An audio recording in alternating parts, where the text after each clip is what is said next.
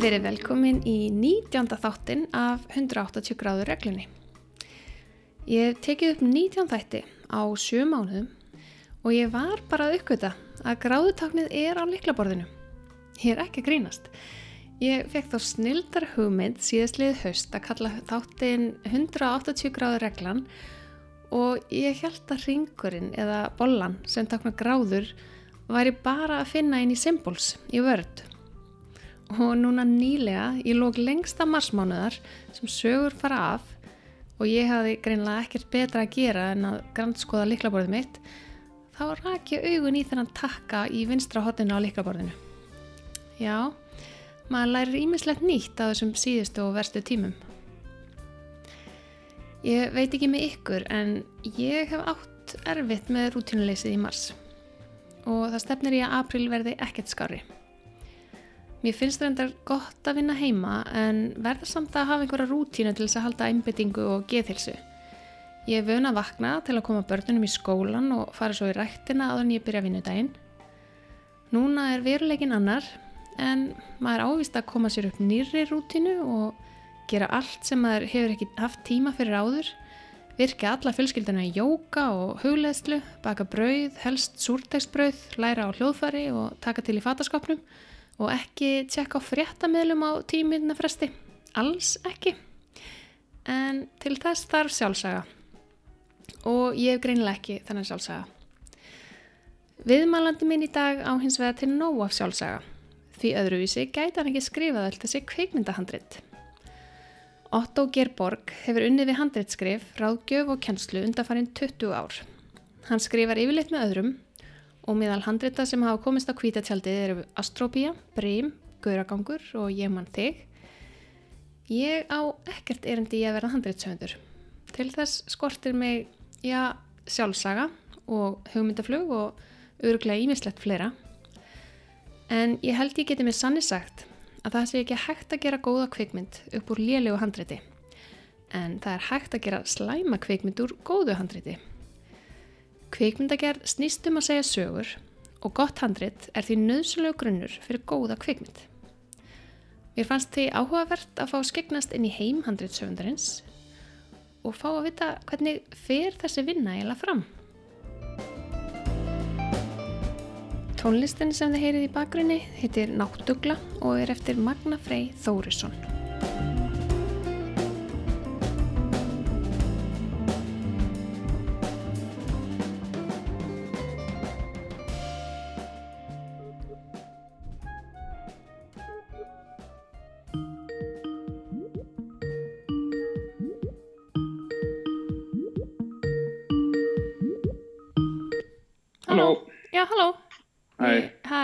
Ég sé þig ekki samt. Ég er að reyna.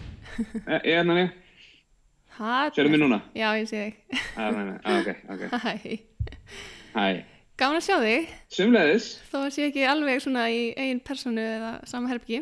Nei, ekki alveg, ekki alveg. Þetta er svona, þetta er, er aðeins öðruvísi tímar heldur en maður kannski aftur vona. Já, en svona að því að nú er, nú er þessi COVID hérna, faraldur að hafa svolítið áhrif á hérna, kveikmyndabransan en kannski ekki svo mikið á handrýtsöfunda eða hvað. Nei, aðalega bara þetta tekur auðvitað svona smá heilapláss að hugsa um þetta og pæla í þessu og svona þess en og maður er reyna að ekki fara að skrifa eitthvað næstu COVID-veirumynd. Maður heldur sér frá því þannig að ég held að 90% af handarsöndum er auðvitað eitthvað pælega að gera eitthvað svoleiðsmyndir þannig að maður reynir að einbjöta sér eitthvað svona skemmtilegra sem kannski hressir fólk ekki eitthvað svona deprimerandi og, og eitthvað svona sem setur fólk bara á bj- björbrúnuna aftur sko. Held að við þurfum nokkur ári í það að fara að gera slíkt já, nokkulega. Já, þetta er, þetta er ert- já, það er það Hérna, þú ert sko, þú ert hérna svona fyrsti pjúra handrýtsöfundurinn sem ég er að tala við í þáttunum mínum. Já, Ég hérna, er búin að vera með kannski einhverja leikstjóra sem að skrifa sín einn handrit en, Mhm. hérna, en þú skrifar handrit, þú leikstýrir ekkert. Þú, ég hef engan á að því sko. Ég er alltaf mikil introvert þess að vera það sko. Ég, ég nenni ekkert rosalega mikið að vera með mikið af fólki. Ég er gott að vera einn með sjálfum mér og, og þannig að ég held að ég myndi ekki höndla það að leikstæra bíómynd, það er bara eða sjónastætti eða stuttmynd Nei. ég myndi kannski geta gert eitthvað svona hreyfimynd bara einn heima hjá mér en Mhm. það væri svona, það er kannski það mesta En hérna, hvernig er svona, hvernig er þín saga? Hvernig byrjaður í þessu og þú veist, varstu, varstu alltaf ákveðin í að handritsöfundur eða var, þú veist, rítöfundur kannski líka eitthvað markmiðið það? Aldrei dótti ég hafði að vera ríðhöfundur. Ég, um, uh, já, ég, ég veit ekki, sko, ég fæði þetta kvikmyndadellu þegar ég er sjö ára. Það bara keft videotæki heim og ég er bara, ég held að ég horfi á allar leigur bæjarins á einhverjum nokkrum árum og, og er svona síðan einhver tíman uh, búin að horfa alla uh, borgarvídeó, held, ég leigan, þar sem Hörður í mér var með, með leiguna á Kárastík og ég var eiginlega búin að horfa alla myndina hjá honum og hann spurði mig hvort ég vildi ekki bara fá vinnu. Og ég var þá ráðinn á hana þegar hann var komið með aðalvídeólegana hann kefti aðalvídeólegana og ég vann með skemmtilegu fólki eins og Palla Hjalmtís og svona sem unnum hana og við sáum um svona stundum að kaupa inn, þá voru þá svona low, uh, budget myndir að koma á vídeospólu það voru svona gamla klassíska svarkvítamyndir og við vorum að kaupa inn myndir fyrir aðalegdjörðana þá. Aðalega Palli og fór út til Englands og kom með nokkra ferðartösku fullar af mjög sp spennandi spólum og þannig að ég fekk eiginlega mig svona kvikmyndanám svona 12-13 ára þegar ég var afkvæmstum að hérna á aðalegdjörðuna og byrja að horfa allt og allir viðskiptavinnunni sem kom og spjöldluði við mig og ég lærði bara svona einhvern veginn kveikmyndasögun að þetta er svona fekk hana beint í æð. Mm. og síðan fór ég heim og horfið á alltaf mikið spólum og reyndi að þetta hanga eitthvað í skólanum og, en, en, en, en ég var eitthvað aldrei á því að var eitthvað nálagt kveikmyndagerði ég hefði bara gaman að kveikmyndagerði en eitthvað en ég var ég hef rosalega praktískur. Mm. minna í dag hérna ég var. Þannig að en, en að þá ætla ég eitthvað svona alvöru fag. Uh, uh, fó, en auðvitað bara byrjaði í bókmyndafræði í háskólunum þegar ég var búið með öndarskólu og það, átti, það átti ekkert við mig. Ég, hérna hérna uh, Nennir ekki að lesa bækur. Hæ, ég, ég minnst ágætt að lesa bækur sko, en ekki bara til þess að analýsa þær. Ég mm. hef gaman að því að að fá hughrifin en, en að vera í einhverjum ismum er ekki eitthvað sem heillar mig og að skrifa eitthvað mót uh, riðgerðir við eitthvað dauða fræðimenn ég, bara, ég, mm -hmm. ég vil freka skrifast á við áöröndur og, og mm -hmm. en, en í bómyndufræðin kynntist ég strákum sko, ég kynntist, við vorum saman í skólanum Þóri Snær Sigurjónsson framlegandi, mm -hmm. Óskar Þór Axelsson uh, og Huldar Breiðfjörð uh, síðan voru hann Adi Knútsson og fleiri sem, sem voru þarna í bómyndufræðinu sem eru svona, dálítið, svona stórir kveimdagar í dag Já. Þannig að Huldar Breiðfjörð þetta handrisjöfundur og, og heimildamettagerðumadur og kennari og, reytvöndur Þóri eru þetta einn svona besti og, og svona góð vinnu minn og, og besti framlegandi á svona, og það eru komið meira til uh, Danmörkur mm -hmm. og Óskar Þóru þetta uh, einn af svona stóru íslensku leikstjórunum Mhm. eru og, kera myndi úr út um allan heim þannig að við stopnum lítið kveikmyndafyrirtæki sem bara nafni Kaos, ekki teiknmyndagerð þetta var svona, þetta var kveikmyndagerð og við held ég hef, hefðum hefðum borgað eitthvað borg, kiftum einhverja kameru og að með minni svona steadicam hlut að, og síðan myndum við bara, síðan ætlum við að gera bíómyndir. Og við vorum með tvö kveikmyndakvöld þar sem við síndum myndir sem Kaos gerði. Ég skrifaði nú eina held ég og síðan voru, eh, við vorum allan að síndum hann myndir og það var mjög gaman. Ég held að flestir okkar, eh, allan að ég og Þórir flosnuðum upp úr lámi eh, ég fóru í alls konar nám guðfræði og ég veit ekki hvað. En einhvern veginn á, á endanum þá var Stóri búinn að stofna Zigzag og ég var einhvern veginn svona alltaf að lesa fyrir það á handrit og svona ég byrjaði svona einhvern veginn aðeins að komast inn í handritsformati þá. Mm. og var þá ráðgjafi þeim.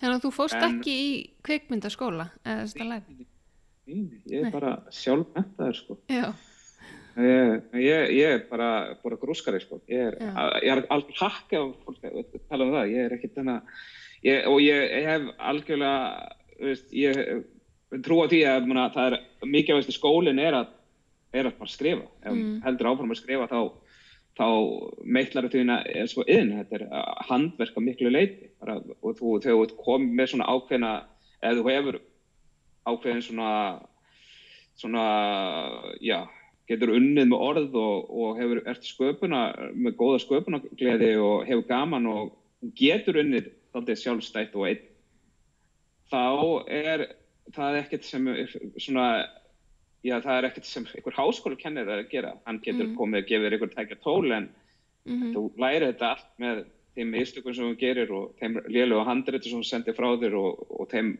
þeirri ráðgjöf sem þú farið gegnum tíðina frá Mhm. góðum, góðu fólk. Mhm. Þannig að ég er ekki að segja að kveimdaskóla séu eitthvað krapp en þeir eru, en það er ekki, ef þú hefur ekki gáuna eða þrautsöguna þá ert þú ekki að fara að skrifa eða halda áfram mjög lengi í þessum bransa sko. Og það er á við, við flesta myndi ég halda sko. mhm. En einmitt, að því að þú núna, þú kennir handreitaskrif í kveikmyndaskóla Íslands. Mm Hvernig, þú veist, geta allir lært að vera handreitsjöndar eða er þetta, þú veist, svona 90% hæfileikar og og 10% hérna, eitthvað sem maður lærir? Mér, þetta eru auðvitað hæfileikar en sko hæfileikanir eru ekkert endilega eitthvað sem þú ert komið með strax, þú hefur kannski ákveð, þú ert kannski með góðan orðafjöld, orðaforða og kannt að koma vel fyrir orðið og allt það en síðan er það sköpunarkrafturinn og síðan er það, það að kunna að skrifa handritin og síðan er það að kunna að taka gaggrinni og síðan er það að, að sko þrautsegjan vegna þess að þú ert ekki að kannski að sjá kvikmyndina sem hún skrifar í fjögur, fimm ár, Mhm, kannski lengur, lengur. Þegar ég skrifa Astropíu mhm. það tók sjö ár frá því að við byrjum að skrifa hana og þar til hún var frumsýnd. Sjö ár, vá. Já, þannig að, já, sjö, sex, sjö ár. Þannig að ég get ekki sagt að þetta sé, þetta er bara, sko, þetta er marathón og Já. ef þú hefur ekki út í það, þá er það ekki. Og jú, allir ætti að geta skrifað og allir, en það er bara sömur sem myndu kannski vera praktískar og segja, herri, ég ætla nú frekar að gera eitthvað annað, vera bakari eða læknir eða slökkulismæður eða hvað sem er og vera kannski þarfið þjóðfélagsagni, ekki bara vera einhver gaur sem er að, sko, að reyna að koma handrið til sinu svona á, áleiðis í sex ár og Mhm. eiginlega fá ítið annað heldur en bara svona, já, uh, svona fá auðvitað bara fárána lítið borgað með tímakvöld þegar maður loksins sendir. Nákvæmlega. En hérna Astropía, það var einmitt, hérna, var það ekki fyrsta myndin, eh, eða fyrsta handritið þitt sem að byrtist á kvítatjaldinu? Jú, Það var 2007. ég, það er 2007. Já, Það, ég skrifaði það með Jóhanni Ævari Grímssoni og, mm. og Gunnar Björn Leikstýri. Þetta, um, þetta sko ég var, þegar ég var að svona að reyna veita, já svona átta mig hvernig, hvað ég ætlaði að vera. Ég var ekkert alveg viss hvað ég ætlaði að vera. Þú, þú veist, um, þá fór ég að vinna í úð sem heitir Nexus. Uh, svona, Mhm, sem við þekkjum vel. Ja, flestir þekkja vel núna í dag. Og ég var að vinna í þessari búð, í, er bara held ég búin að vinna í tvo daga og enna, þá kom sko hugmyndi fyrir Astropíu, þá að Astropíu, þá var, þá var ég að vinna þannig að ég sé um videoleguna og en inn frá videolegunni er svona spilasalur sem er svona þar sem menn spila Warhammer og Magic og Mhm, eitthvað fleira. Og alls konar spil, roleplay og það sem, na, það sem við hana, svona, sem flestir nörda þekkja. Og, hana, og ég, ég er að tala um nörda bara sem mhm. bara af þessum hrós. Er Ert þú þá fyrirmyndin að, að hérna flóka karakterinum? já það er önnur saga sko. En ég skal segja hann hann eftir. pínu, uh, uh, ég, ég hef auðvitað skrifað minni en, en, sem flóka en það kemur aðeins kom aðeins svona smá babb í bótið þar. En já, það, þegar ég var að vinna þá var um, þá var eitt kvöldið að þá kom, var það svona rosalega flott stelpa inn var svona leitandi, lappaði inn lappaði um, um videolögun og lappaði síðan inn í sal og var, var svona halv leitandi og ég var að fylgjast með henni bara hvað hann er að gera og veist, passaði ekki alveg inn í umhverfi sérstaklega hann fór inn í salin sko, sem, veist, þá var þetta mjög svona stráka basiraðar kultúr sko. og svona, það er svona sveittur og illa lyktandi svona, svona að upp, þú veist, þar voru pítsukassar og þar voru, veist, þetta var ekki alveg svona, ekki hennar heimur. Og ég, svona, hún kom síðan til mín og hvar, spurði mig hvar Eskimo Models var, eða Eskimo Custom og það er nefnilega hurðum við hliðina. Já, ok. og ég bendi henni það og svona fór. En ég, síðan leiti ég inn sal og það var bara allt frosið þar inni það, bara, það voru bara strákar bara, sem voru bara, bara svona teningan og voru frosnir í, í loft, loftinu sko. það voru það voru, það voru bara, að, að bara allt það bara hvað gerðist bara, og þeir bara og mest dagar voru þannig að lyktin breytist uh, þeir voru betur klættir þeir voru veginn að vonast til að þetta gerast aftur eða hvað gerðist eiginlega þannig að hún auðvitað vissi ekkert af hvað hún gerði mm -hmm. en en hún breytti algjörlega sko heimsmynd þeirra í nokkru daga. Það voru bara svona uh. og, veginn, og þá var þið bara svona já glanskuttla gengur inn í nördabóð hvað gerist? Það var bara svona það var bara fyrsta hugmyndin að astrofíl og ég, ég pitchaði þessu á Ævar. Og Ævar er leist ekki sérstaklega vel á hugmyndina þannig að kannski er þetta svona aðeins svona aðeins og svona silly. Og þannig að við vorum með eitthvað tværa, tvö að þrjú verkefni sem vorum góði vinnar að Sarknar Spragasonar og erum það enn þetta Ævar skrifaði þetta með honum vaktaseríunar uh, eh, og við uh, já og þau verkefni Ragnari leist ekki ekkert á þau sérstaklega. En hann spurði við síðan bara herri hvað með hana verkefni um hana stelpunuskengjur í nördabúðun og Ævar orðaði með sér hvað þá, við, na, þá var hann þá allt innum bara, já, ok, núna erum við að fara að skrifa þetta verkefni sem ég var eitthvað að dissa sko. og en og það, og allt er góð um það þú veist, veist, og síðan unnuði það, ævar tókar ennsli á svona að gera trítment ég las það yfir og og, og, og síðan byrjuði að vinna og, og senda og við ætlum alltaf að láta Zigzag framlega þetta verkefni Zigzag var, ég var, þetta, svo, ég var góði vinur Sexak-bræðra, hann að Stóris og skúla. Uh, Ragnar þetta gerði síðan fyrstu myndinu sína fjasko fyrir þá. Uh, en það var þannig að þannig að, já, mér langaði að gefa þeim, eða svona, mér langaði að gera popcornsmynd fyrir þá. Mm -hmm. Bara svona mynd sem er, bara fær fólk í bíu. Uh, bara, veist, fyrir alla aldursópa ekki, veist, ekki eitthvað sem er að fara að taka edduna ég held að eddan hafi ekki verið komið á þessu tíma þá voru ekki einu svona hugsa um það sko. mm. og við vorum bara að hugsa um popcorn og ánægja og, mm. Erna, og síðan við skrifum þetta og þetta fór í gegnum alls konar þróanir og Raggi Braga fyrst, fyrst reistur við hann fór síðan í annað verkefni sem uh, heitir Whisperer sem reynda var það ekkit úr en frábært, frábært verkefni og ég og Ævar vorum að ströggla með þetta heil lengi, hvernig B. kom um borð, hann kom með sína punkt á handriti sem orsakaði nánast vilslitt á okkar en síðan áttuðu okkur það var rétti punktar og við endur skriðum og endur skriðum og, og just, ég veit ekki hversu mörg dröft við gerðum. Uh, þau voru allavega ansi mörg. En þá kom á þenn tímpunkti að bara sexatmenn breystu sér ekki í myndina. Við fengum bara handritið og það sem við vorum búin að gera í okkar hendur. Og Gunni fór með þetta til Júl og, og Yngvars kisa. Mm. og það er bara bara tókun bara tókun á nefnum sótt um og séðan bara komið styrkur innan nokkara mánu það var bara mjög snögg verkli okay.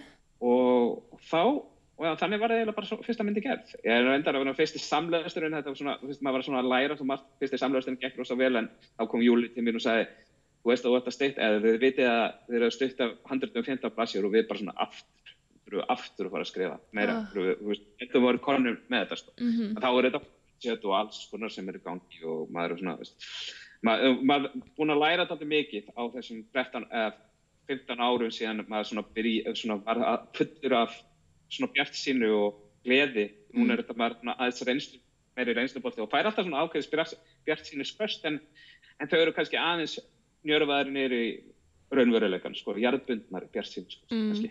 Mm -hmm. uh, en já, Ástrafíða gekk mjög vel. Já. Og, og, og við... þú sem hérna, þessi karakter, hvernig... Já, uh, Flóki, hann hann að, sko, Rós Hannan... Sem að sveppi leikurum, eitthvað ekki? Já, já, jú, jú, jú.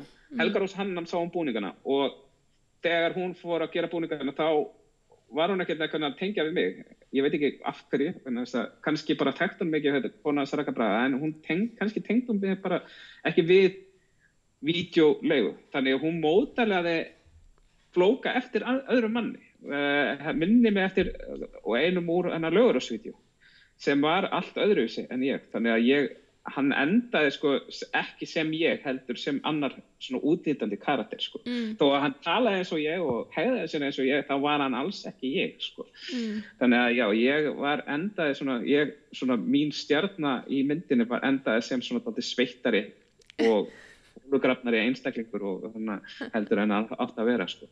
ok, Þannig að, þannig að já, ég, enna, ég fekk ekki mína svona 15 mínútur á fræð í, á tjaldinu þannig sko. nei, ok, og hef ekki reynt það aftur sko. ok.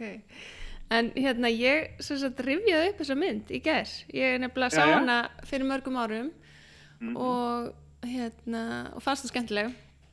Og svo ákvað ég bara að hérna, fyrst að við vorum bara heima hérna í gær með gurnar, uh, sem sagt ég og sex ára dóttir mín sem var lasinn og svo hérna og 11 ára. Og þessi 11 ára, ég var að vissum að hún myndi eitthvað tengja við þetta, en það elskar hún að fara í Nexus og hérna þannig að hún hafði mjög gaman að þessu þessi sex ára var svona lokaði augunum og mótmelti þegar það komu bardagasinn sko. og hérna og, og okkur fannst svona eins og hún, hún vildi helst ekki horfa á þetta en svo eftir að myndi var búin þá var hann að tala um hana hvað þetta hefði verið skemmtileg mynd. Okay. þannig að þetta var mjög svona já þetta var svona fjölskyldu skemmtin og hérna þær voru nefnilega ekki að nenn að horfa á þetta sko. Ég var alveg bara, Stefán, nú ætlum við að horfa á Astropíu það er bara, oh, þú veist, hvað er það? Eitthvað. Svo var þetta bara Já, ótrúlega skemmtilegt. Já, sko, hún er það sem hún er.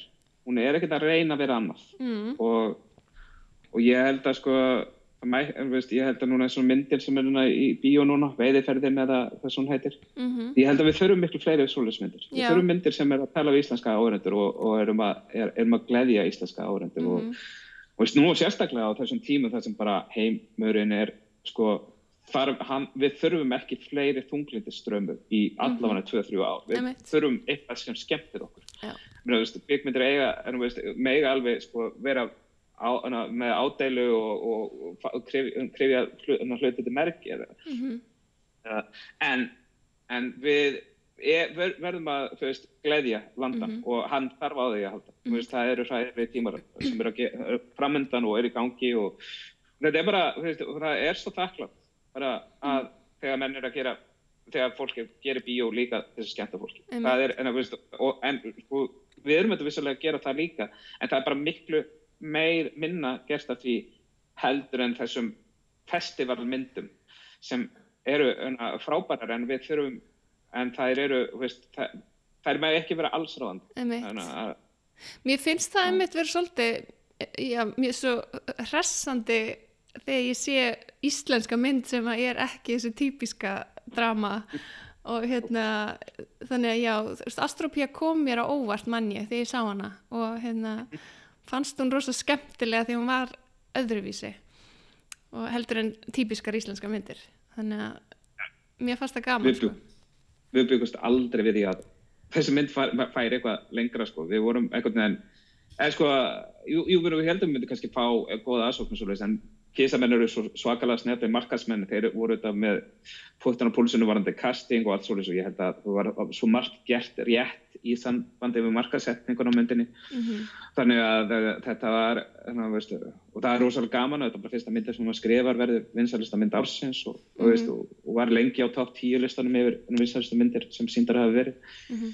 Og, og á Íslandi svona íslenskar myndir þannig að það er allan síðan mælingar hófust við, við, við keppum þetta ekki við Jón Ótt og Jón Bjarna eða Mm. með allt á hreinu sem Nei, nei. veist, tóku halva þjóðina í bíó sko. þannig að við, við, við erum bara að tala um mælingar þannig að maður getur svona allan að mo- monta sér því en ekki en ekki oflátt sko. um, en veist, já ég ég er alltaf pínu svona svektur yfir því að, að, að það er að það mætti vera svona svona dálítið eins og í norska kerfinu.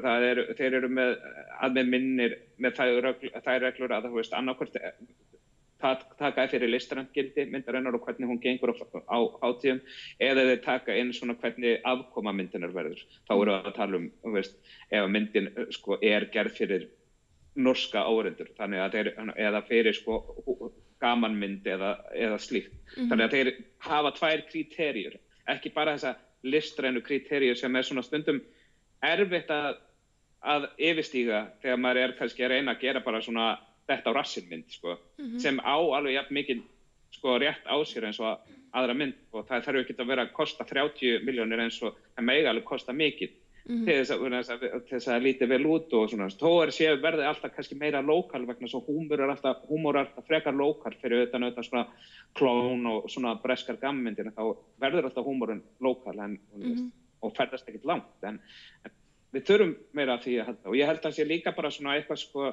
samtal sem við þurfum að eiga á þjóðina út af því að þjóðin þegar myndir eins og Astropía eða Íslenski draumurinn eða fleiri myndir eru síndar þá fyrir þjóðin og er alveg tilbúin að sko að fara aftur og aftur á myndina og hampa þeim og mm. veist, horfum á ófærið og svolítið sem bara allir er að horfa er bara, veist, þetta er þetta er alveg gífulega gaman að sjá þetta verðan þess að þjóðin er alveg tilbúin fyrir þetta. Hún bara kannski ekki alltaf tilbúin í afturmynd um bóndan sem er að fara að skjóta hundin sinn sem fer á bát og þarf að sko, öðlast einhverja tilvægslega upplöfun í enná, veist, nær, nánd við hafið eða, eða veist, eitthvað óræð, óræð sko, sjónarmið. Mm Mhm. -hmm.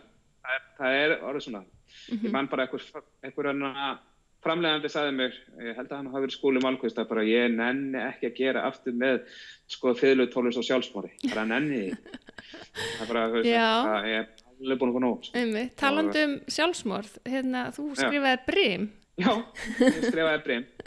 Já, ég er einn af þeim. Uh, Þú, hérna, þa það var sem sagt, hérna, 2010 var það ekki, þá fegstu tvær eddutilnefningar sömu hátíðinni, það var fyrir gauragang og brim.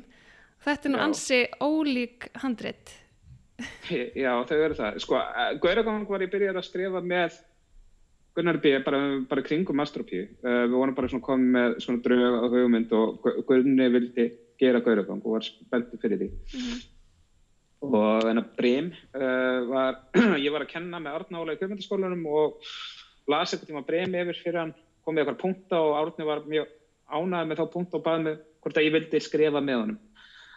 Og ég bara tó, sló bara til og, og hana, auðvitað daldið út, úr, svona, út fyrir þægindaramann minn sem ég er meira fyrir sjannurann. Ég er meira fyrir horror, gaman, sci-fi eða eitthvað svo ég, bara, Mm. ég er nörd en ég hef gaman öllum myndum en ég vissi ekki þetta vissi ekki nákvæmlega hvort að ég myndi bara höndla þetta og, og, og vissulega bara var, þetta mjög skemmtileg lífsreynsla að mörgu leiti þetta var rís- gífulega erfið lífs- lífsreynsla þess að við erum að skrifa handrit byggt á leikriti sem er eiginlega svona vestuport sko fyrsta verkefni þeirra, stóra verkefni þeirra. Mm þannig að maður var, það voru mjög margar rattir sem voru svona höfðu mikið að segja og var and um verkefni, þannig að maður var daldi mikið að skrifa svona daldi á, marg, á marga veggi á marga dyraverði sem voru svona að hleypa kannski verkefni svona aðeins inn en síðan kannski næsti dyraverði ekki nóg sáttur og hann lokaði dyrunum, þannig að þetta var mjög erfitt verkefni svona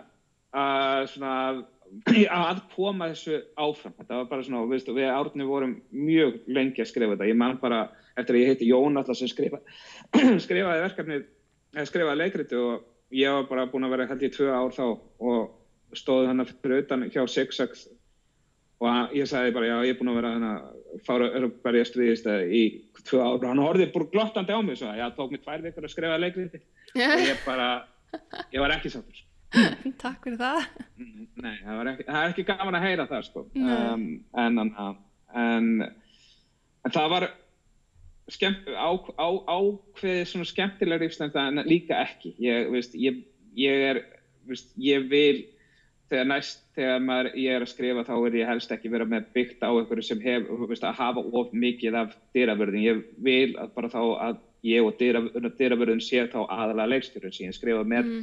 og ég reyna að skrifa verkefni mjög náið með leikstjórum ef ég er að, þannig, að þau, þannig að ég viti það að sín leikstjónans er svona sín minn og mín og við vinnum saman að sameiginlegri sín Já. þannig að ég, veist, ég lærði, lærði ágættis leksju af því. Mm En núna, þú, þú skrifar eiginlega eða alltaf með öðrum, eða ekki? Þú ert ekki einn að skrifa handrit. Eða Ég, mér finnst mjög þægilegt að skrifa með öðrum. Þó ég sé mikill introvert þá, þá skrifa ég, jú, ég skrifa mjög oft með öðrum. Ég er reyndar sko, með tvö verkefni núna sko, sem, skrif, sem eru svona bara komin eitthvað áleiðis. Ég hef skrifað þetta verkefni sem ég skrifað einnig þegar þau hafa verið kvikmynduð þannig að mm. bara, út af alls konar þáttum ekki endilega þau séu illa skrifið. Þau eru bara, þau eru ekki bara, hafa ekki hendað eða bara hafa ekki farið í gang. Þannig að mm. maður, maður situr á hættingaverkefni en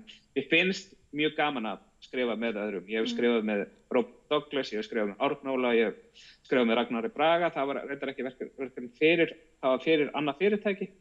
Ég hef skrifað hellingaverkefni sem eru uh, svona, já, ég samflóti með aðra og síðan líka í rítumöndahópum eins og, eða höfundahópum eins og ég skrifaði þetta, var sko núna, þetta átti, já, átti Víti Vestmannum að vera sjónaserja til þess að byrja með. Þar, þá var ég auðvitað höfundahópurinn ég, Gunni og Ævar mm -hmm.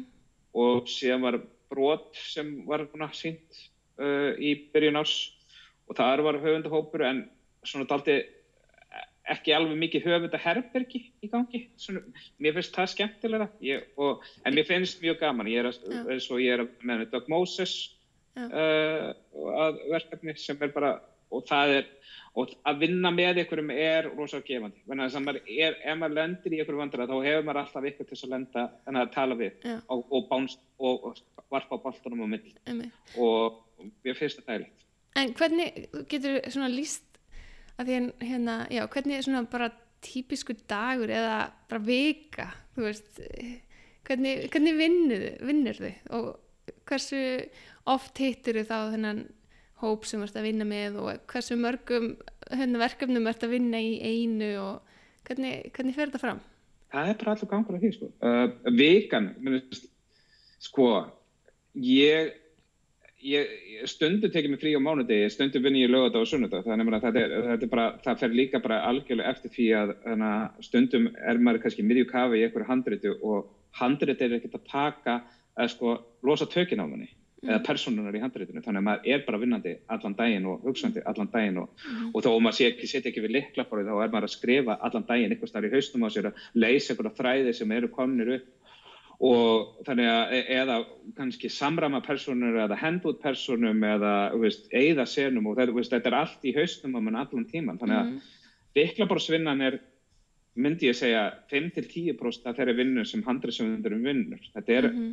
mjög mikið að eins og sömur segja að horfa út úr klukkan eða fara í göngutúra mm -hmm. þannig að uh, ég venjulega ég, ég er svolítið aðmanniska ég vakna mjög snemma á mótnana mm -hmm. uh, vakna svona kringum 5 kannski stundu 6 þannig að þú veist að flesta mótna kannski sef ég út svona til 7 um helgar til þess að verða að gera konuna mín ekki brjálaða en, en uh, það er mjög gott að, mjög gott að taka borgunni snemma, byrja svona kannski einhver svona á rútínu bara að koma mér í gang ég drekka ekki kaffi þannig að ég er ekki svona fæ mér ekki fyrsta kaffiballan, ég fæ mér bara vasklas eða te, Já. þannig að það veist uh, fyrir göngutúr með hundana mína mm -hmm. þannig að það er svona, veist, alltaf gott að fá svona að lofta um sig og, og síðan sérst maður bara neyður, skoða fréttir byrjar að hugsa, ég frekar skipulaður með all verkefnið mín, þannig ég er bara með svona gátlista hvaða verkefni ég þarf ekki að gera, hvaða verkefni eru á dasgrafhjöfumir og síðan tek ég bara eitt verkefni í einu og reyna að klára þau, er í sambandi, tölupósambandi við þá sem ég er að skrifa með, mm -hmm. uh, tek stundu Skype-fundi og uh, síðan er það bara svona allur gangur að það þegar ég er að vinna með fólki, sömur vilja bara taka Skype, menn ekkert að vera að koma yfir heiðina, mm. sömur vilja sem vilja taka face to face mm -hmm. það er bara fínt mín vegna mm -hmm. að, að, að það er bara allur gangur á því ég keir ekki þannig að ég þarf að taka stræta í bæinn þannig að ég beð fólk óþúslega um að koma yfir heiðina til mín hefa, veist, að, ég nenn ekki að brjóta upp daginn of mikið mm -hmm. uh, já þannig að veist, þetta er eiginlega bara maður er 24-7 að vinna sem handelsvöld ég vakna klukkan þrjú og nætturnar með eitthvað hugmyndir og séðan bara síðan klukka 5 er ég ennþá við liklaborðið og bara, mm. já, já, þá bara nýta það fyrir mm -hmm. og stundum, stundum gerist ekki neitt, stundum tekjum bara dag og svona reynið að taka svona mýtað bara loka, veist, spila tölvileiki horfa myndir mm -hmm. en, en hérna er, um, þú veist, ef þú ert búin að skipulegja dag og þú ætlar að eigða einhverjum ákveðnum klukkutímum í eitthvað eitt verkefni og svo einhverjum klukkutímum í annað verkefni heldur þið við það skipulag þó sért komin á flug með fyrra verkefnið og segir bara, já, nei, nú er tíminn búinn og nú skipti ég yfir eða hvað? Nei, nei, ég líð alveg, alveg að mér. Ég, kannski er svona besta sem ég gerir að ég gef mér svona fölsk deadline. Ég, enna, ég segi bara, núna verður þetta klárast í fyrsta mæ og það þarf, ekki að kannski klárast fyrir einu lókmæ þannig ég er alveg svona, ég samt er ég með eitthvað svona næja ljúa nógu mikið að mér að þannig að ég vinn svona daldi á, á svona, svona, svona, er oftast búinn á undan á allir Mm -hmm. og ég reynu þetta að vera ekki of mörgum verkefnum í einu en ég veit það líka að það bara tekur alveg tíma fyrir fólk að lesa það tekur tíma fyrir fólk að na, veist, koma tilbaka með feedback og það tekur fólk na, veist, þannig að ég er alveg sko, ég klára kannski verkefni og síðan gerist ekki neitt í verkefni kannski tvo mánuði út af því að það eru kannski framlegundur að lesa og skoða og síðan koma, kemur kannski koma fullt af punktum þá er ég ókysla reyður vegna þess að fólk átti ekki að vera svona vond við handrétið mitt og þá fer ég í smá fílu og síðan kemst ég að því að þetta voru ekki kannski alveg þessi punktar og vinnum við þeim og síðan fer ég gegnum þetta, þú veist,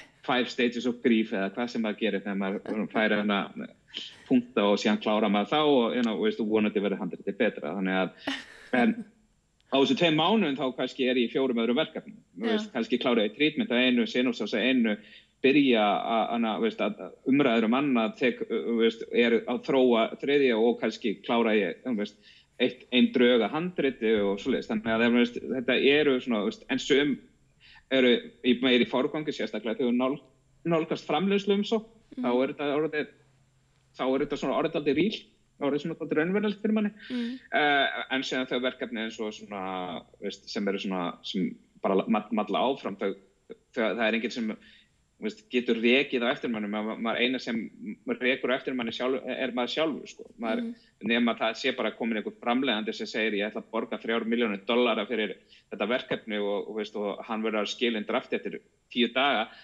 það er bara, til mjög gerir það ekki en, en, en það er ekki það, veist, nei, það er, en, veist, þetta er maður svona mikið sjálfsinsherða og, mm.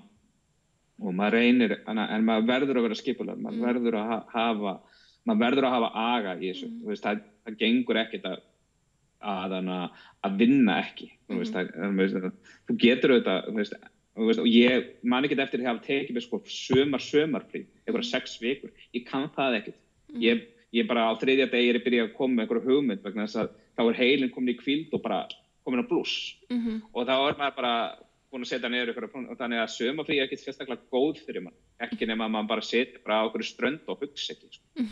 og, og ég er ekki einn af þeim sem get ekki, ekki hugsað sko. það er ekki veist, endilega eitthvað skemmtilegar hugsanir í gangi maður bara er alltaf eitthvað en að pæla í hlutunum sko. uh -huh. Þannig að það er ekkit vandamál fyrir því að fá hugmyndir það er bara kannski að fá of margar hugmyndir það er vandamálið já sko kannski fá hugmyndir og líka það bara er þetta hugmynd sem ég er alveg tilbúin að verja sex mánuðum í, kannski fær maður hugmynd og, já, meina, og síðan auðvitað kemur fólk með hugmyndi til mín og mm. það er mjög margir sem, alveg, fólk sem betur fyrir, leita fólk til mín með hugmyndir og, og þá er ég veist, að, að, alltaf líka, veist, ef ég sé fram á að ég geti orðið eitthvað í liði mm -hmm. veist, eins og að Hrafst kom með hugmyndina að henn er best til mín og, og spurði hvort ég vildi vinna með henni og ég bara, og síðan tengdi ég mjög mikið vefnir í þeirri seríu sem við erum að skrifa saman og þannig að veist, bara algjörlega ég, mena, ég, ég man ekki hvort ég hef eitthvað tíma neitað verkefni veist, ég, ég hef ekki ennþá fundið verkefni svona, það er maður talar um fólk mm. þá finnum maður fyrir ástriðinni og maður kannski reynar svona aðeins að kynna sér verkefni og betur og fá þessu söma ástriði sjálfur mm -hmm. þannig að ef maður hefur ekki ástriði þá heldur maður ekki áfram með verkefni þá verður, það sérst alveg á verkefni ef fólk hefur ekki ástriðið fyrir þeirri sögur sem það er að segja mm -hmm. eða þeim persónu sem það þannig að maður verður svona pínu lítið að tekja þetta alltaf sjálf og ekki verið að gera þetta fyrir veist, bara peningana að veist, maður verður auðvitað að vera praktísk maður verður líka að vera það að, að þetta mun ekkert gerast þetta mun aldrei vera gott nema að það sé eitthvað á bakvið sem er sko eitthvað heilt, eitthvað hugsun mm -hmm. En nú ert að vinna með svo mörgum, þú ert ekki alltaf að vinna með sumu, sama fólkinu Uh, þú veist, kemur það ekkit fyrir að, að þú byrjar að vinna með einhverjum og svo bara áttið ykkur og því þið bara getið ekkit unnið saman, þeir eru ekkit með sama sumu einhvern veginn, sama taktinn eða eitthvað ekki ennþá. Nei? Ekki ennþá, nei. Nei? Nei, ég meina, ég hef uh, alltaf, við allan að svona frá mínu bæjandir hafa flest, samst, svona, flest svona samstarf fólk mitt og ég bara, allt gengi bara, bara ljómandi vel, sko. En hvað voruð mörg til dæmis að, að hérna, skrifa brot, Valhalla Murders? Það er svona daldið öðru sem sagða, sko. Ég kem inn í verkefni sem bara að laga ákveðna þætti. Þannig að uh, þá er sko handrétti tilbúið og þá er Magga Örnbórs og Óttar Norrfjörð búin að skrifa handrétti. Ég kem bara svona inn sem hægt hann að skrifa og la, lappa upp á. Ég er ekki, ég kem ekki inn sem í, í söguna. Ég Mm. kem inn bara þess að vinna í svona ákveðnum þáttum, ákveðnum elementum og, og, og eftir ákveðnum. Uh, ég, ég var ekkert ég var ekkert að skapa mjög mikið, ég var að skrifa út senur en þessar senur voru allt senur sem lágu í kortunum og voru veist, í hausnum á framlegundum og þeir sem höfðu búið til söguna þannig að uh, ég, hana, ég vann ekki með neinu, ég var bara basically bara hérna einn heima að skrifa sko. Mm, ok. En hérna, uh, svona, já, þegar þú ert að kenna Mhm. uh, og bara þegar þú ert að skrifa, þú veist, hvað, hérna notar, notar alltaf einhverja formúlu, svona uppbyggingu á handriti eða Í, í kennslu? Uh, kennslu og í bara kennslu- sjálfur þegar þú ert að skrifa. Já, ég verði alveg að viðkjanna það að ég nota þetta ákveðin element. Ég voru að segja, veist, ef ég myndi ekki nota þessi tækjartól sem ég er með, sem er auðvitað bara innbyr innmann, Mhm. þegar maður er búin að horfa á kannski 30-20.000 myndir eins og ég er búin að horfa um æfina, þá eru þetta bara veist, hlutir sem maður bara er með í bara DNA-inu. Þannig að, veist, og það er, veist, maður, ég veit það líka bara ef ég ætla að fara að sækja mig sjóð þá er ég ekki að fara að gera handrit sem er 360 blaðsjur nema það sé sjónarserja.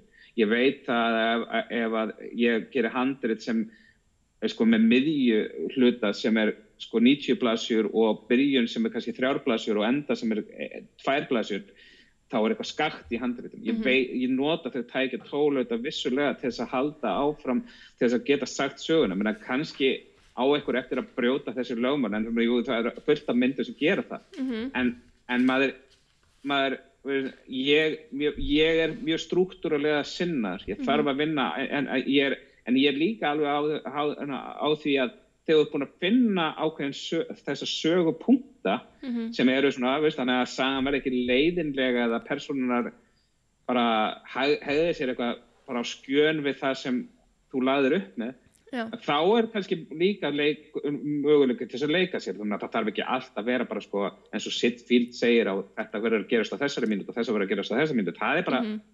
kæftæði sko. Mhm. það er, ná, veist, þetta, þetta gerist þegar það gerist en það verður samt eitthvað að gerast. Það verður að vera eitthvað krækja sem kemur fólki í gang Mhm. og horfa mynd. Það verður að vera eitthvað niðurlægi mynd. Mynd má alveg end, verður að enda þá að sé endinu sé opin eða lokaður, það, þetta eru bara hluti sem eru svona, veist, allavega er ég ekki einn af þeim sem get farið út af þessari nei. ég er bara að bröða út af þessari venju. Ég er eh, bara, mér finnst það það er ekki eitthvað sem get en ég er alveg og ég virði það að fólk er, er eitthvað að reyna það meina, Mm. og, og gerir það og gerir það vel og, en meina, ég er ekki eitthvað sko ég er, en ég er ekki alveg bara það verður að vera, sko, vera þryggja þátt að struktúrum verður að vera, það má alveg vera sko, fleiri, bara hvað sem er en þú verður að þekkja reglunar bara eins og Picasso hann þekkti má, sko, alveg málara list hann vissi hvernig hann kunni að mála áður en hann fór að brjóta reglunar Mm þannig að þú, til þess að, að ef þú ætlar bara að reyna bara, bara að skrifa eitthvað bara svona eitthvað, þá er mjög líklegt að þú lendir á einhverjum vegg. Og veist bara, og líka það er lesendur sem eru þarna.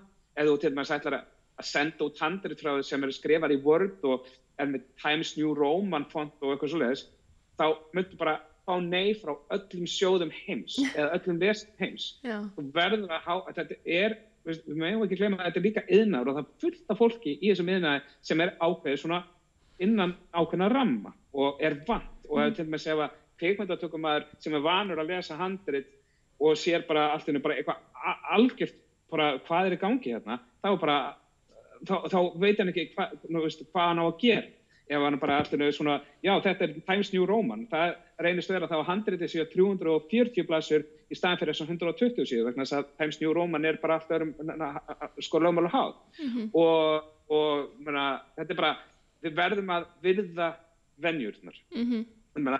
í Kína er þetta alltaf öðruvísi. Kínverðstandrið, ég hef séð kínverðstandrið það er allt, allt öðruvísi. Eina sem ég sá þessum reyns, að það er aldurs aldurinn er eina svega það er, veist, annars eru bara handréttin skrifið eins og nóvunur sko. þannig að það er ekki þannig að ég, en, veist, ég er bara að tala um þess að evrósku bandarísku staðar sko. ég lærði hérna smá í handréttskerð eh, því ég var að læra heimildamöndi gerð út í Danmursku okay. en þá var svo sem var að kenna okkur að hann var samt að kenna okkur svona mei, meira svona út frá bara leiknumyndum en, en sínd okkur mm. samt heimildamind sem var byggð svona upp líka og það, þú veist, ég lærði þetta náttúrulega alltaf dönsku og ég veit ekki hvað það heitir á íslensku eða ennsku en þá kallaði hann þetta Beretten-modellen og þetta lítur svona út eins og kvalir til að sína þér Já, já, já, já Já, þetta er svona Aristoteles sko. Já, já, ymmit, já þetta er svona, hérna uh, þú veist, kynning og svo kemur point of no return og konflikt, upptrappning og svo klímaks og þarna er líka plot point 1 og plot point 2 og setna og þú veist, er þetta ekki bara þetta típiska Hollywood model? Þetta er bara þetta típiska, það er þessir professorar og þessir svona fyrirlesarar, hvort það sé Robert McKee eða,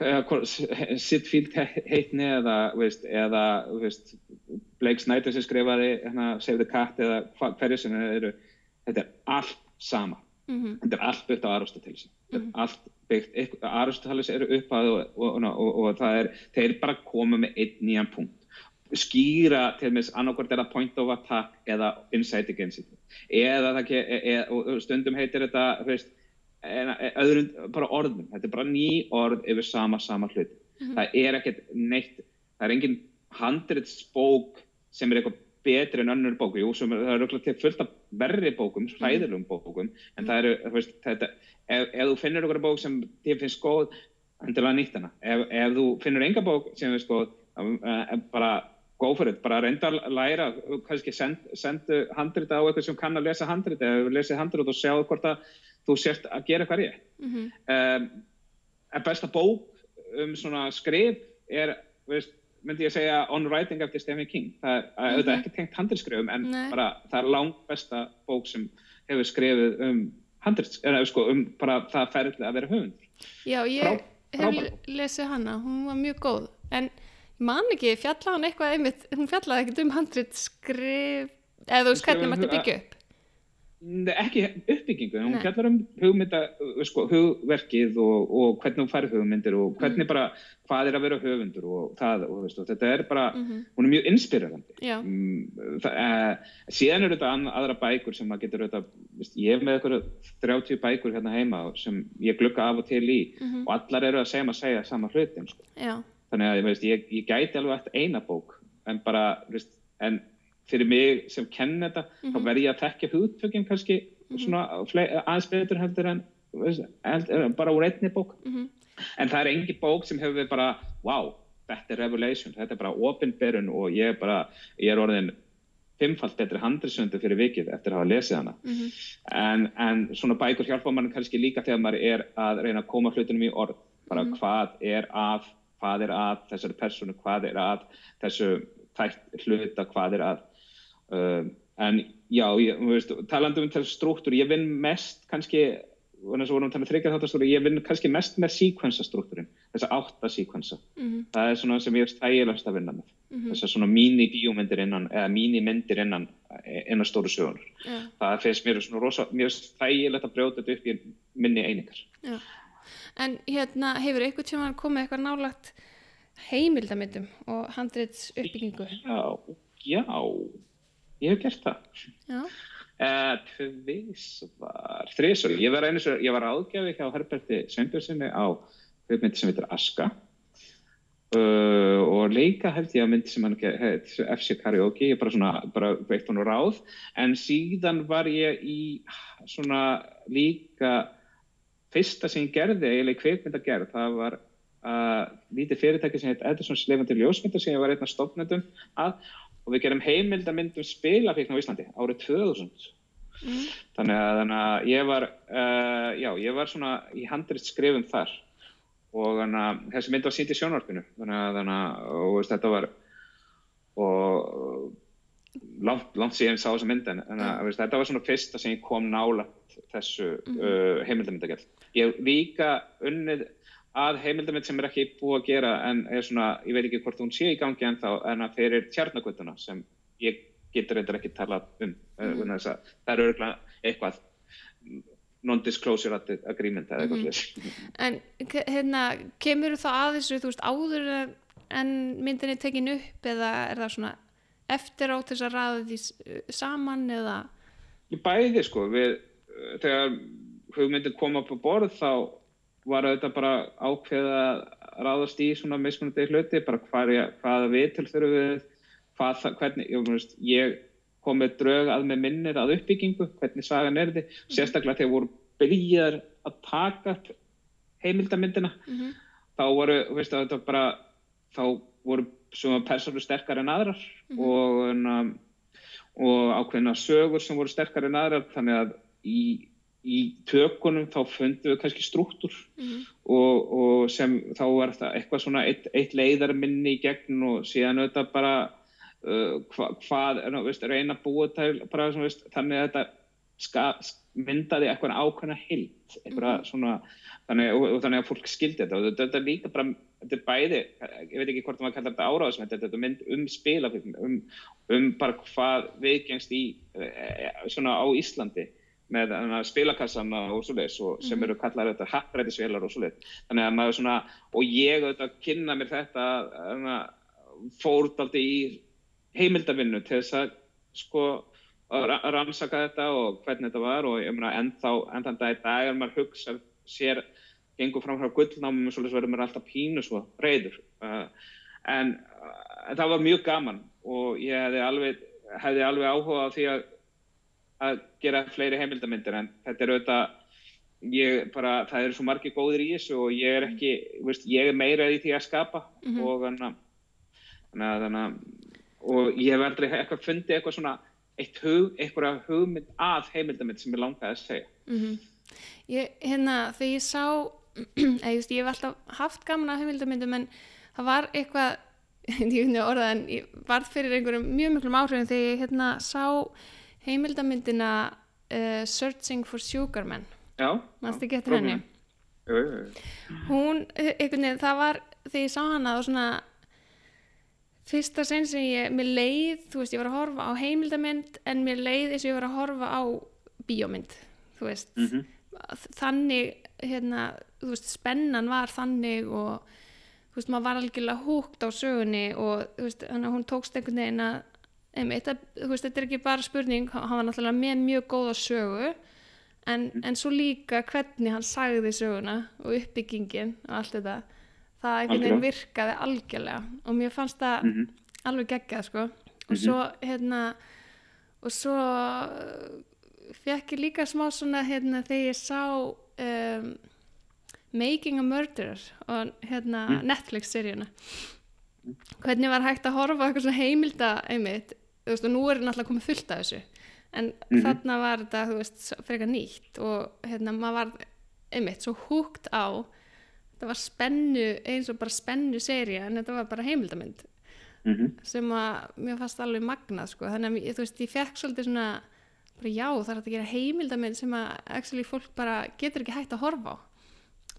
Já ég menna algjörlega, algjörlega sko, ég menna margar frábæra heimildamindar til ná, þannig að, þannig að, og jú, making a murderer, ég var auðvitað pínu þreytur þegar þetta byrjaði kannski tegjast í sko, áttenda þætti en, en, en, en maður var alveg bara fyrstu þrjá þætti en bara, what, mm -hmm. hvað er í gangi sko, þetta, mm -hmm. þetta frábært og, og veist, mér sjálfur svo persónulega finnst mér The Jinx betri eh, heimildamind uh, sem HBO sér mynd, myndin sem hana auðvitað ekki sé hana Já, ég byrjaði á henni, ég er ekki búin að klára hana. Hún er algjörlega frábær mm -hmm. svo, svo personar þetta bara hæðislega mm -hmm. uh, og mena, fyrir mér er þetta Capturing the Friedmans en að betri myndir sem gerði þau verið og, og, og Wonderful Hollywood Life og Lenny Riefenstahl sem þetta bara frábær innsýnin í þessa mögnuðu og hræðilegu konu sem mm. er senn hræðilegu konu og ég meina, fyrir mér er þetta bara já, meina, hei, ég hef alveg jafn mikla ástriðu ána að horfa heimildamindir eins og eins og kveikmyndir og ég meina, ég þýmir ekki verðin herzog og getur skipt svona auðvitað á milli og, veist, og bara gert eitthvað frábæra bíómynd og síðan bara farið að gert grislimend eftir, eftir það. Ég, enna, ég, enna, og ég, ég er veist, ég er nefnilega, ég held að sé, mjög, það er erfiðar að vera handriðsöfundur sem heimildamind að gera maður mm -hmm. við erum, veist, ef ég myndi koma til eitthvað svona, ég meina handriða heimildamind það er, veist, er ekki alveg að, sko, ekki alveg eins djúsi eins og þú veist, kemur með handreita bíómið sem getur fengið kannski 60 miljónur styrk mm -hmm. eða, veist, og styrkjaumhverfið hérna á Íslandi er auðvitað allt, allt öðruvísi fyrir sko, heimildamindir og veist, það er oft hleyið að greið heimildamindagerðamennur sem er að gera heimildamindir hérna út af því að bara, eða sko horta á það sko vorkunauðum út af því að veist, myndinar eru að fá svo miklu minni styrki heldur en sko mm. myndir úti, ég mann það að vinnum minn var að gera mynd og sjá koma að, annar með, með aðra mynd og þau voru svona með þetta og segja, já, lítið vel út, já, hvað kostar hún eitthvað 12 miljónir sagði vinnum minn, sko, sem bara hinn bara misti andlið, bara 12 miljónir hvað og, og bara íslenskar og þá kostiði myndir hans sko 100 miljónir mm. og var ekkert mikið, leiti ekkert mikið betur út, mm -hmm. það er bara, bara það er alveg, heimildarmyndir eru miklu mei, meira svona greinlega sko að fá miklu meiri styrki annar staðar mm. og það er bara því miður, því in, in, og líka bara aðsóknin við erum að tala um aðsóknin hérna á heimildamindir mann ekki hvað hva marga myndir hafa farið bara upp tíu þúsund manns bara fyrir utan þetta draumalandi af heimildamindur mm. og heima líklega en, en, en það, er, það er rosalega lítið til miður mm. sem það gera bara í bíó mm -hmm. og sem kannski er það bara markasetningin og, en kannski er það eitthvað annað sko. ég menna mm. ég, eh, þannig að því miður og, og, og ég, þetta er þetta, þetta, þetta mitt lifibröð og veist, fyrir mig sko, heimildamind myndi að vera mjög spennandi kostur en ég, ég en ég hefði bara, það er aðeins svo áhættisamt fyrir mig að bara vera að taka, skrifa okkur heimildamind þegar ég veit að sko handlisumvöldur heimildamindar er ekki að fá okkur, hann fær ekkert mikið pening Hvernig en, en, hvernig annars hérna uh, lifið maður af því að vera handlisumvöldur á Íslandi? Gerir það ekkert sko það er ekkert sens það er, ekkit, það er eiginlega nánast honest það er, þú veist, þú verður að eiga góða maka til eitt saman maka og sem getur, hana, ég meina, ég kom mér, ég var fyrstu árin, sko, sem ég var þá, eftir að ég var nýtt á Nexus, þá fór ég að vinna sem þróunastjóri hjá Sixa. Mm. og þegar ég, síðan hætti ég þar 2013 og það var bölvað ströggl bölvað, mm. bölvað ströggl og út af því að, maður er hvert verkefni áhætta, veist, hvert verkefni, veist, þess að þú áhættan er bara áhættan er volið sjaldan frá framlegandans hálfum þess að þú ert maður sem vinnur í þrjá mánuði. Ert að fá veist, og far kannski ekki og síðan kannski ertu búin að vinna í þrjá mánuði og, og það far höfnun og styrkin þá ertu ekki að fá reitt mm -hmm. og þú vonast til að fá sko, stóru summuna þegar myndi verið gerð og síðan verður hún ekki gerð og þá bara, já, ok, það er bara næsta mm -hmm. og, og, veist, og það er að næsta og næsta þess að nú verður maður að vinna í hellinga verkefnum og veist, þetta, þetta, þetta er mjög, mjög erfi en þetta er alveg rosalega gefand og skemmtilegt starf en -hmm. ég er kannski að grínast með makan en, en það er, er bjartari tímar framöndan og sem betur fyrir sjóðurinn og fleira kannski aðeins að meta handelsönda að, að verðlegum þeir eru að fá meiri pening og meira betur borga þeir ekki bara eitthvað sko eins og þegar ráðgjafur voru að skoða sko handriðslun þegar voru, voru alltaf að fetta fingur út á hvað handriðslunum fekk mikið borga þegar maður er búin kannski að eigða tveimur árum í að skrifa handrið og, og fá víti sem ekkert borga á meðan skrifunum stendur mm -hmm. þetta er, þetta er þetta bara Já, þetta er, þetta er algjör ströfl og, og, og öruglega 60% eða kannski, bara bjart sín og 40% af verkefni sem ég er að vinna í núna, þau eru kannski aldrei gerð. Mm. Svo, og þannig að maður, ég, meina, ég er samt verið mjög heppin, sko, held ég 80% af það verkefni sem ég kom að nála hafa farið í gang fyrir, og, veist, og maður kannski gefur alltaf upp um vonina með hinn 20% en, en maður kannski, þau eru kannski ekki alveg á sama stað og hinn út af því að maður kannski hættir að sinna þeim og þá gleymast þau og svoleiðis mm -hmm. en, menna, að, en þetta, þetta er strögl en þetta er gefandi strögl og skemmtilegt strögl og, mm -hmm. og, og er að veist, fyrir mér alveg þess virði, en, það, er ekkert- en, að- en þetta er alls ekki allra, alls ekki allra. Og þú kannski lætur þetta ganga upp líka með því að vera að kenna með. Já, á einhverju leiti og síðan þetta veita ráðgjöf og, og fleira, sko, Mhm. þannig að veist, og, og þannig að, þannig að ég, ég skrú eitthvað tekina með því, já. Og hvað ertu að hérna, þú veist, eins og núna, hvað ertu að vinna mörgum verkefnum í einu núna? Það er slatti, sko. Um, ég þóra ekki að segja það þá er ég reikin að fimm þeirra. nei, nei, nei, nei, ég er, uh, ég er í, sko, um, svona, gróft á, á allar, sex verkefni. Já. Og þau eru bara Sem- mismunandi stigum, kannski. Já, ég meira tvö, eins og aðvenda sem ég skrifaði fyrir Kisa, hún er, veist, nánast búin í skrifum, hún, hún er bara núna í meðförum þeirra og, og skoða hvort það getur fundið leikstjóra og, og svona sem vil ganga inn í verkefnið. Mm Uh, svarið brefi Helgu, veist, ég að skrifa 2011 um Birgisjón og, og, og það er núna að fara í tökur. Þannig að, þannig að þú veist, og, og, og á þetta Ása Helga Hjörðursdóttir er þetta líka að koma inn í skrifin eða fór, tók sitt, setti sín fingra fyrir á handriti. -hmm.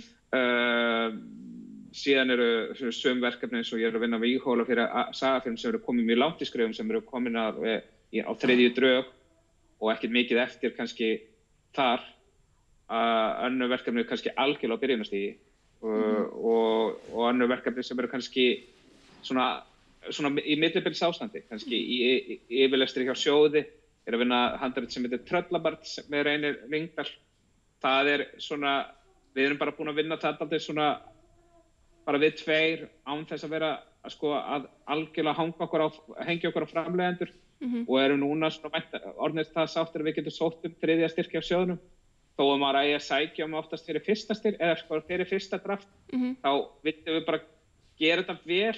Þannig að við, við varum sáttir. Ég, ég, ég er þenni svona sjaldan að henda frá mér eitthvað sko sem ég er ekki ég er allan ekki, ég minnst alltaf að vera 70% sáttur. En ef ég er bara 50% sáttur þá, þá er ég ekki alveg tilbúin að láta það fara. Allavega að reyna að vinna eins langt og ég þar til ég get fengið feedback sem er ekki af hlutum sem ég veit að eru galli á verkefni Mm Og ertu, finnur á þér uh, hvaða handrit muni, þú veist, hérna, slá í gegn eða, eða ekki? Mm, já, að vissuleiti, menn eins og ég að, sko, ég var alveg viss á hvað hún myndi slá í gegn, þá voru þetta bara ákveðin, ákveðin a- orsaka samingi hlutana, það voru bara kannski myndin en að, að ná, náði ekki að flug, alveg almennilega á flug og það þá sérstaklega var að það var þetta leikrit sem hætti í sýningum kortiri áður en að myndin var sínd Mm þannig að veist, ég er alveg vissum að myndin hefði orðið talsvöld vinsætli e- e- ekkit að, sko, tala um gæði myndina en eitt ég er alveg mjög sáttu við myndina en bara en það er bara að þannig að þannig að ég var alveg vissum en um, með en, um, ég maður þig -hmm. ég var alveg, veist, ég vissi það það er stórt, ég vissi það að svartur og leikir er stóri, ég var þróunustjóra á þeirri mynd Mm -hmm. eh, veist, jú, jú, ég meina, ég veist, maður er svona með ágætisnef fyrir því en, veist, eh, en það, maður líka alveg gerir mistök, sko. Mm -hmm. Hvernig, þú veist, ertu með eitthvað hérna ráð til þeirra sem að dreymir um að vera handritsöfundar eða eru núna að ströggla við að vera það? Já, já, ég, þetta, veist, ég kenni, uh, sko, alltaf bara, veist, 90% kennslunum minn er að gefa ráð, sko. Mhm. En, uh, uh, já, ég, sko,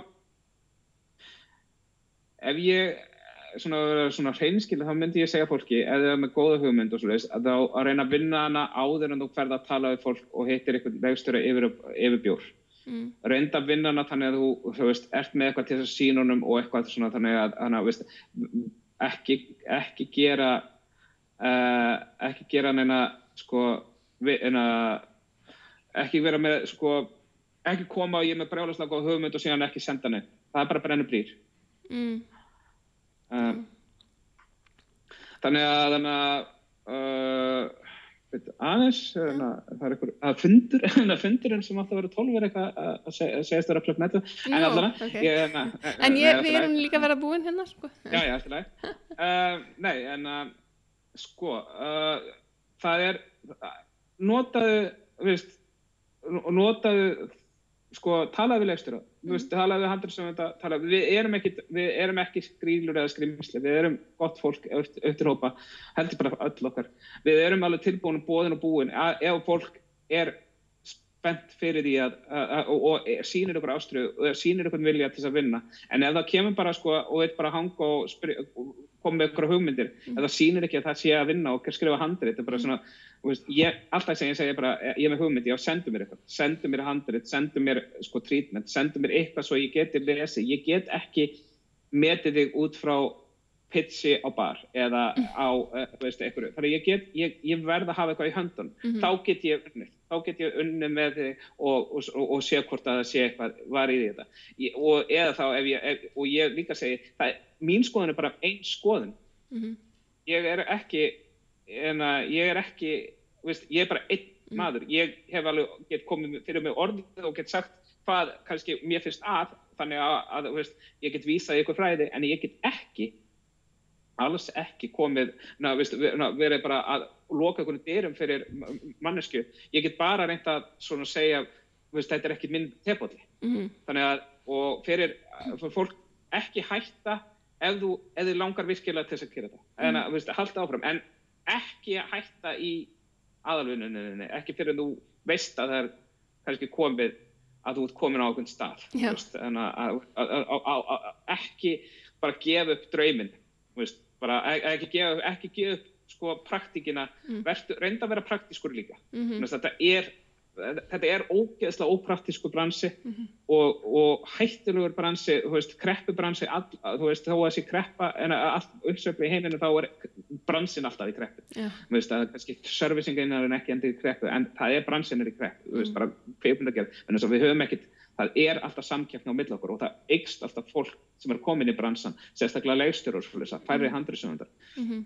en menna, þetta, er, þetta er erfitt, þetta er gefend, þetta er skemmtilegt þetta, mm. veist, þetta gerir brjálan þetta gerir uh, sko, al, gefur þér allsæli þetta er, frá, þetta er æðislegt en mm.